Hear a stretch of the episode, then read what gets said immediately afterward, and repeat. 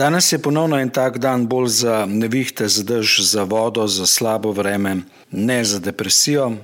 Za mrsike je samo za depresijo. Ne. Na včeraj smo se z Boštjanom pogovarjali, potem sem šel na predavanje Marka Pogačnika, tako da šele danes pošiljam v svet pogovor z Boštjanom Perovškom. Sedela sva v enem takem solidnem prostoru z dobro postrežbo, tako da upam, da boste navdušeni na tole kratko napovedjo Freeforms festivala v predvoru, ki ga bova z Boštjanom Perovškom napovedala v podkastu Pogovarja se Franci Kapler.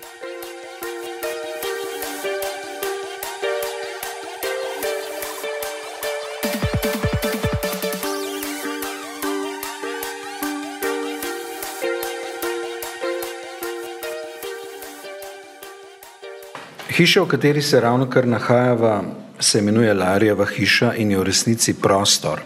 Ta prostor je zapolnjen z različnimi formami, vsebinami umetnosti, tako kot je to naredil Marko Pogačnik, pa tudi Istok Geister.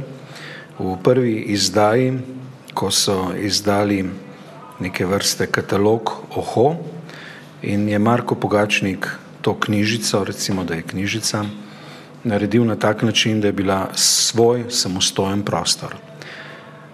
Vedno moraš imeti najprej prostor, ne, da sploh lahko dihaš. Moj sogovornik je tale hip Boštjan Perovšek, razlog pa je Free Forms, se pravi glasbeni festival, ki bo konec tega tedna v predvoru. Boštjan živel. Lepo zdrav. Kaj je Free Forms?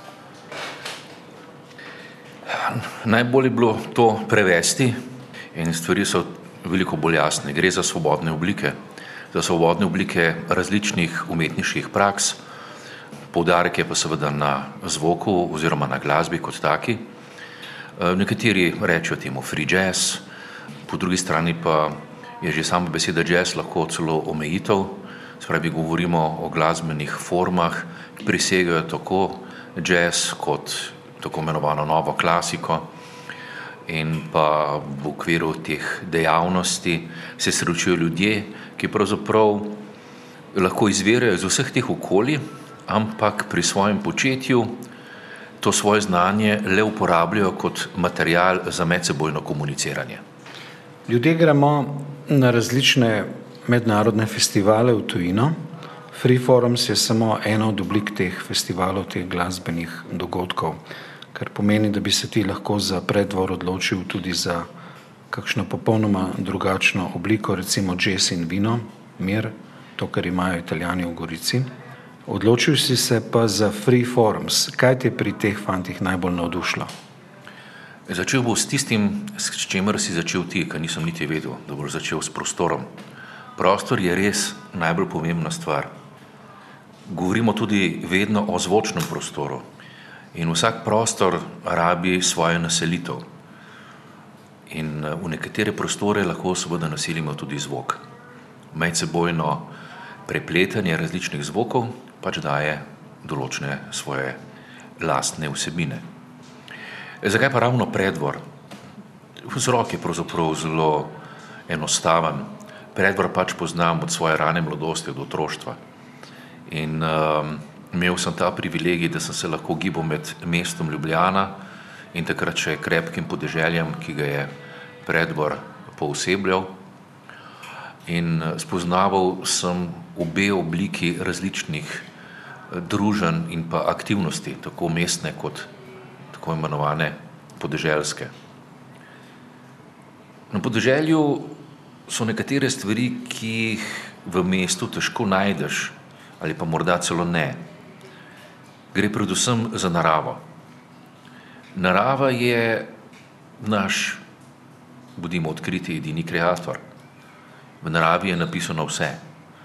Tudi kar se tiče zvokov, so zvoki v naravi pravzaprav vedno takšni, da v nekaterih kompozicijah vidimo oziroma slišimo tisto, kar naknadno slišimo v naravi oziroma srečamo v naravi.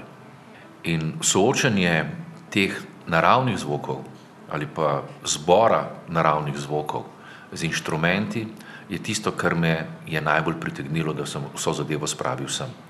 Seveda pa predtem sem moral spoznati te fante in sem se jim nekako pridružil v lanskem letu. Stvar je organizirana zelo zanimivo, poučno in predvsem kreativno.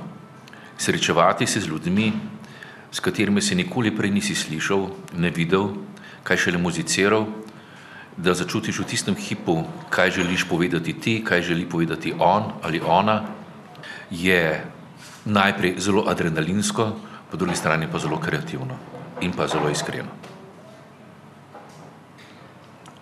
Po svoje ta oseben moment, ne, ti ljudje, na katere sem spoznal tudi sam, niso samo umetniki, kreativci in tako naprej, ne, ampak so kot uh, posamezniki, kot ljudje neverjetno močni, zanimivi, drugačni.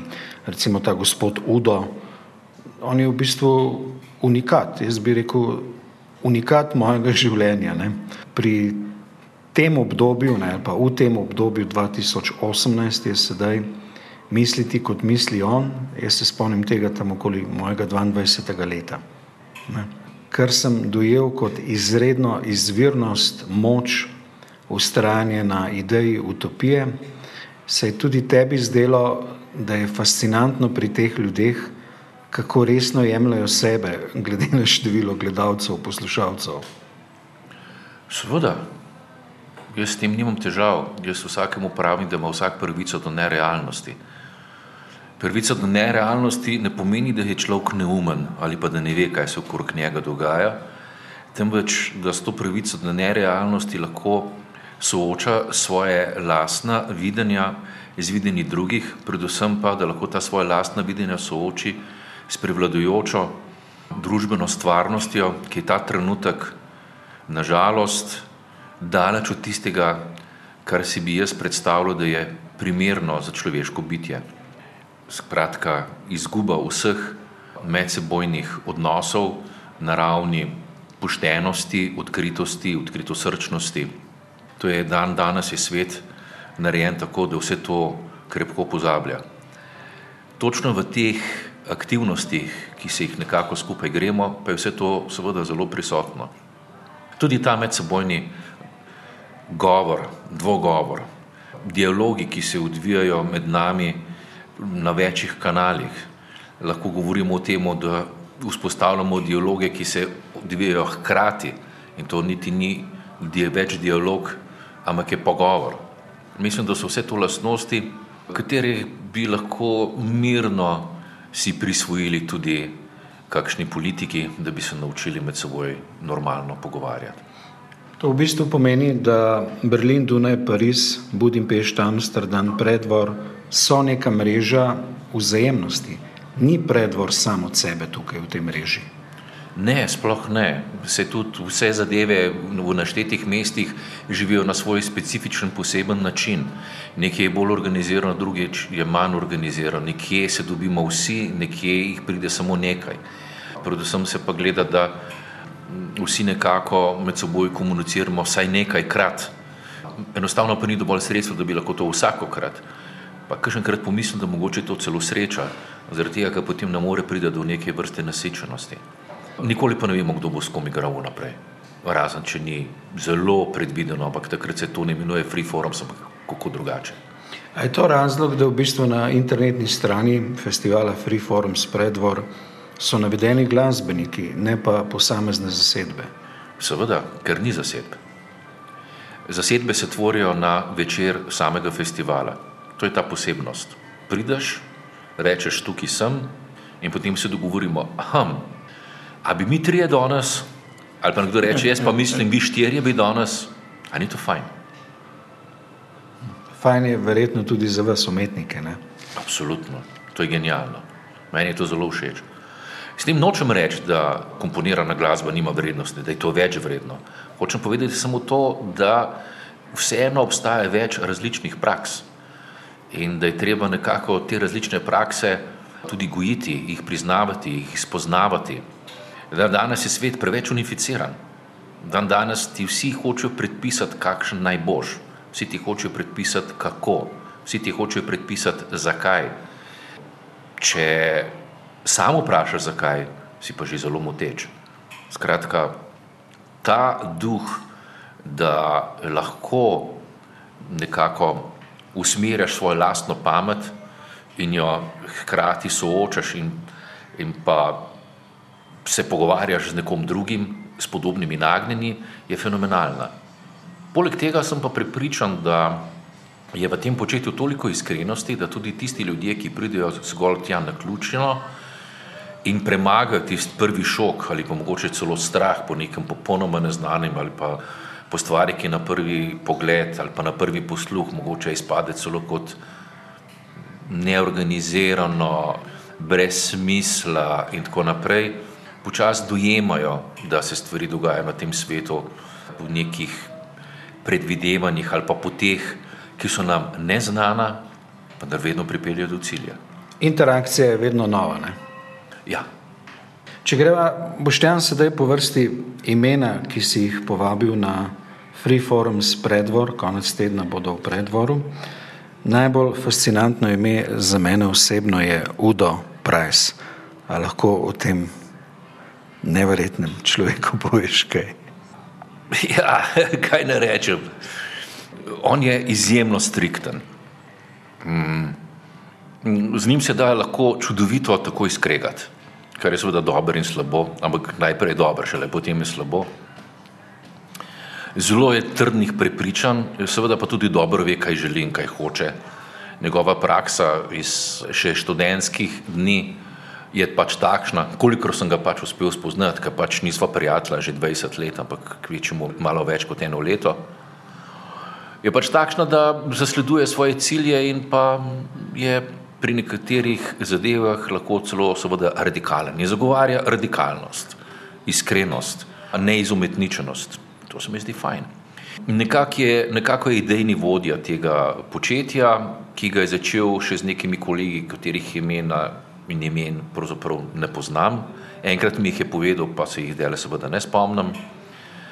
Na tem festivalu v predvoru bo pa vodil eno zelo, zelo zanimivo reč, ki on reče, e, čustveno, čustveno kričanje in petje, stojko The Emotional Free Singing and Screaming, gre pa za neke vrste zvočne terapije v naravi. To je po mojem, zelo dobra stvar. Imel je veliko uspeha v preteklih letih, ko je te zadeve delal večkrat. Tukaj za predvor sem ga pa nekako izval, sem ga postavil pred dejstvo, Udo, to boš imel, pika, kako je rekel, kako. Ja. To bo v soboto, ne? To bo v soboto do povdne, jaz mislim, da bo to zelo dober. Še nikoli nisem bil zraven tega, kar on počne, ampak si upam trditi, da bo zelo, zelo zanimivo. Ljudje bomo šli, no tudi kakšne živalce bojo zraven, ne, da sem pripričan, če ne drugega pa čebele, čmrli in ptiči nas bojo spremljali na poti do gozda, m, kjer bomo pod njegovim vodstvom izvajali neke akcije, kakšne bojo, še ne vem, ampak zakaj ne bo to presenečenje, pa tudi ne vem, zakaj naj ne bi bilo. Ne. Udo Price je Avstric, Herman Nič je bil tudi in je bil skrajen provokator, ugaben provokator, bi rekel, res ugaben, Hermanič. Ampak Udo Price se mi pa zdi nekako duhovno bitje, bi rekel. Duhovnost poudarja še iz tistega obdobja, ko so bili guruji v hipijevskem gibanju.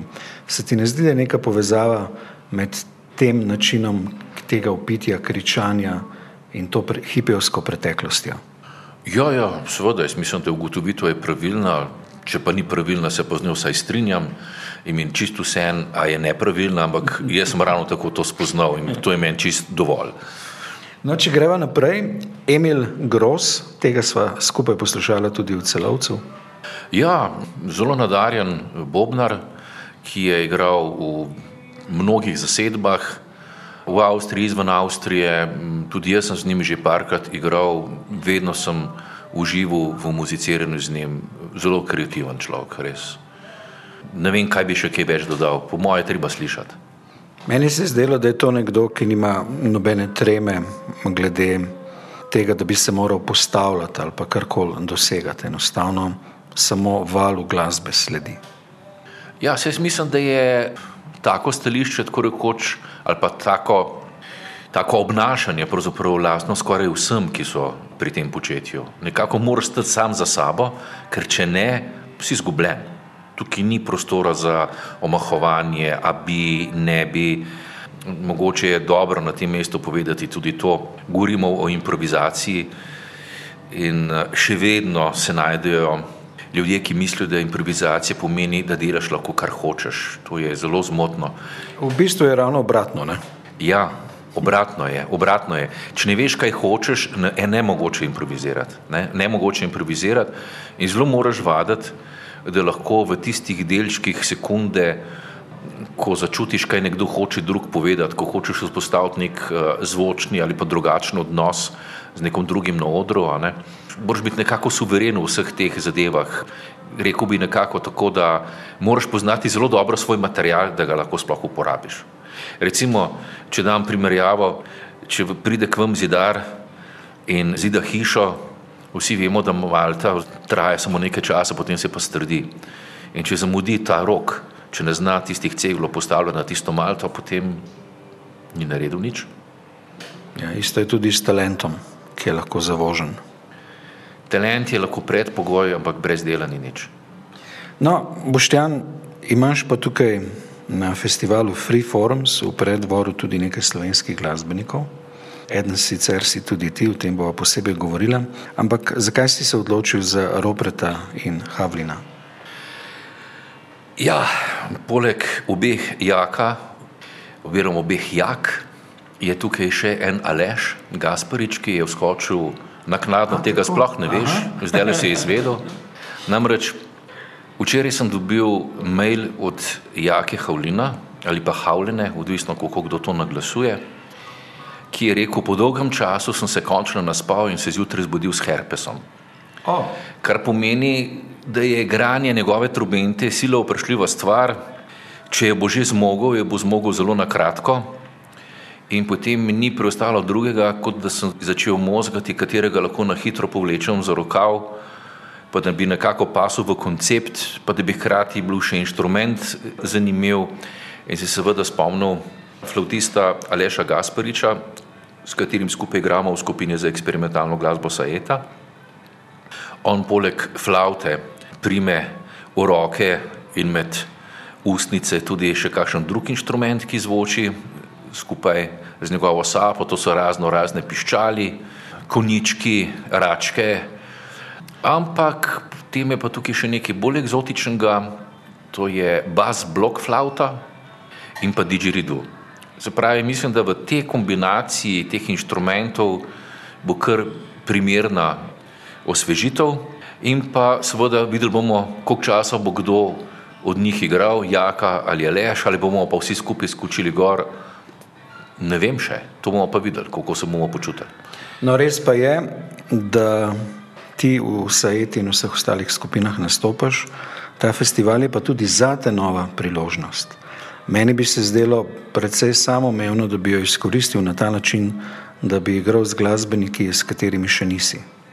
Ja, seveda, se to, to je pa tista zadeva, na katero sem želel zelo, zelo, zelo paziti. Ne. Moja prva misel je tudi prijateljem v Sajeti, sem povedal, zelo mi je žal, ampak Bang od vas ne bom povabil na ta festival, mi že igramo skupaj, sicer premalo krat, pa kljub vsemu že igramo skupaj, ampak ne moramo narediti ene take domače kuhinje. Najprej bomo pa opa, zdaj je pa prilika, zdaj bomo pa najprej mi vsi domači.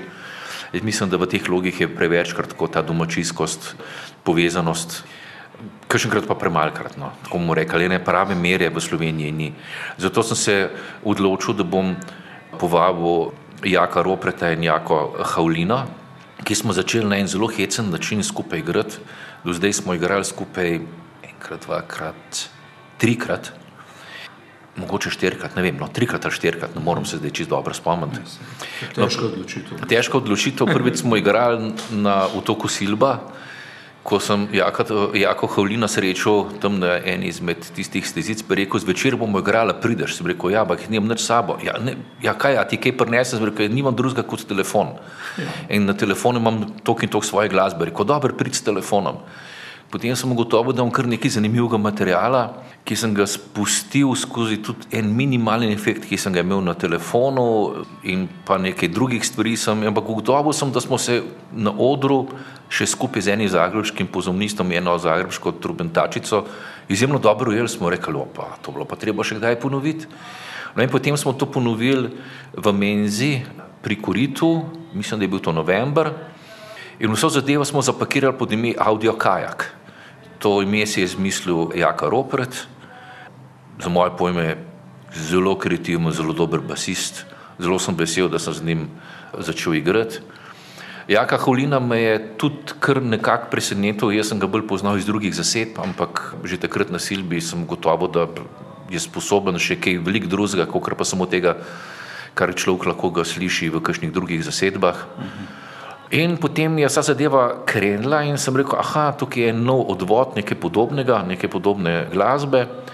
In potem na zadnje smo skupaj igrali v Pocket Theatru, mislim, da bo to marec letošnjega leta ali april.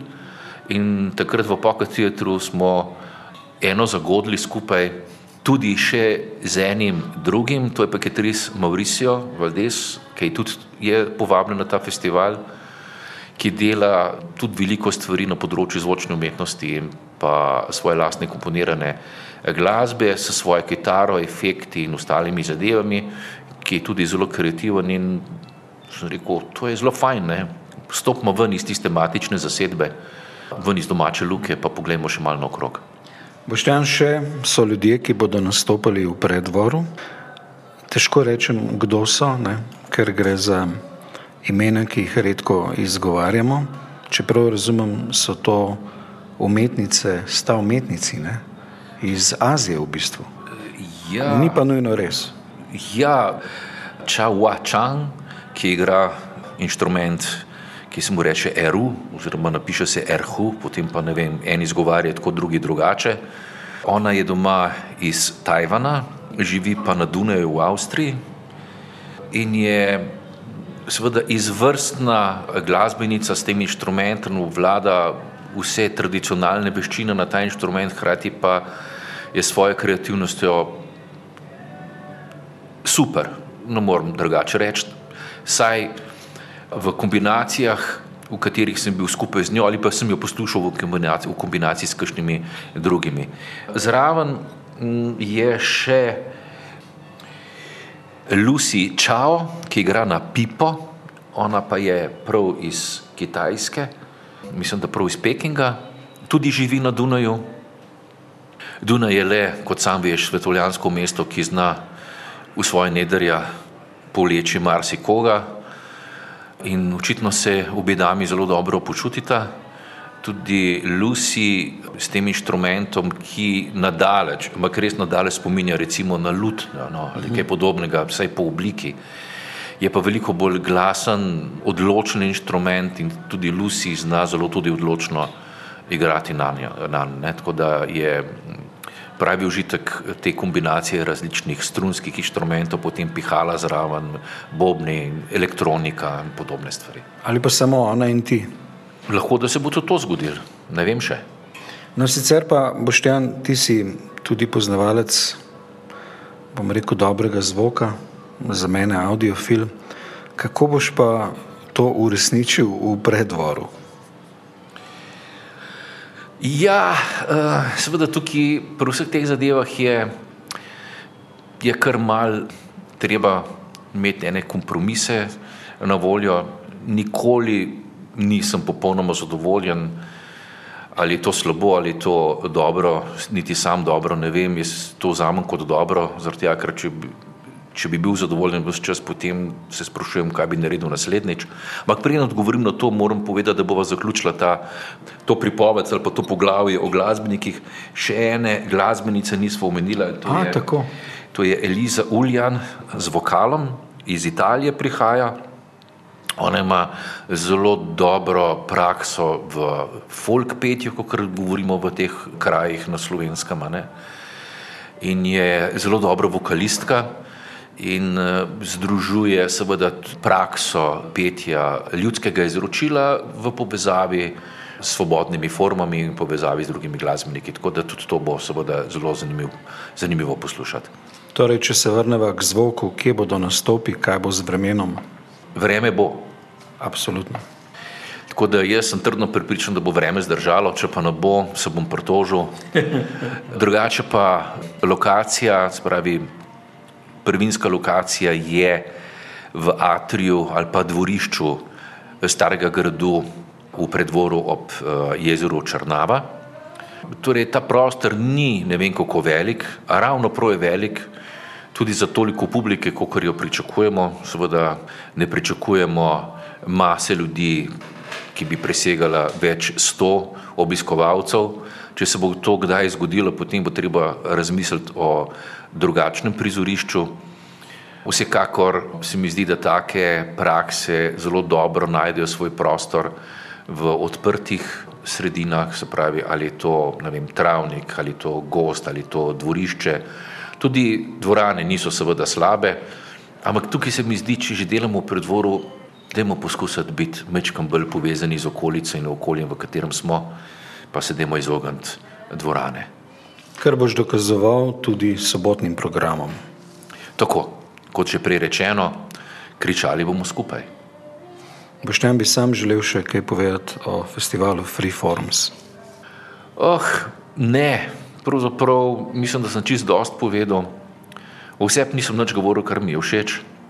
Če boste prišli, boste slišali ene par čudnih zvokov iz moje strani, pa se dajte vprašati, so elektronski ali so akustični ali živalski. Lahko me podsukate za rokav na koncu. Festival Freeforms poteka v Berlinu, na Dunaju, v Parizu, v Budimpešti tudi tudi v Amsterdamu od konca tega tedna naprej, pa tudi upajmo redno vsako leto v predvoru. Razlog za to briljantno gesto je Boštjan Perovšek. Boštjan, hvala ti. Hvala, pa še kdaj.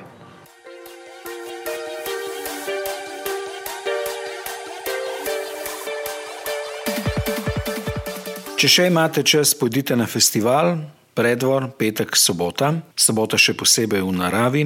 Če pa ste zamudili ta čas, si izberite novega in takrat poslušajte plošče glasbenikov, ki so bili omenjeni. Nekatere od teh plošč poznam, izvrstne so, priporočam. Lahko tudi naročite podcast, pogovarja se Franci Kapler, sam pa v tem trenutku izrekam tudi zahvalo založbi Klopotec, ki podpira to početje. Oni so je fino imeti pokrovitelja. Skratka.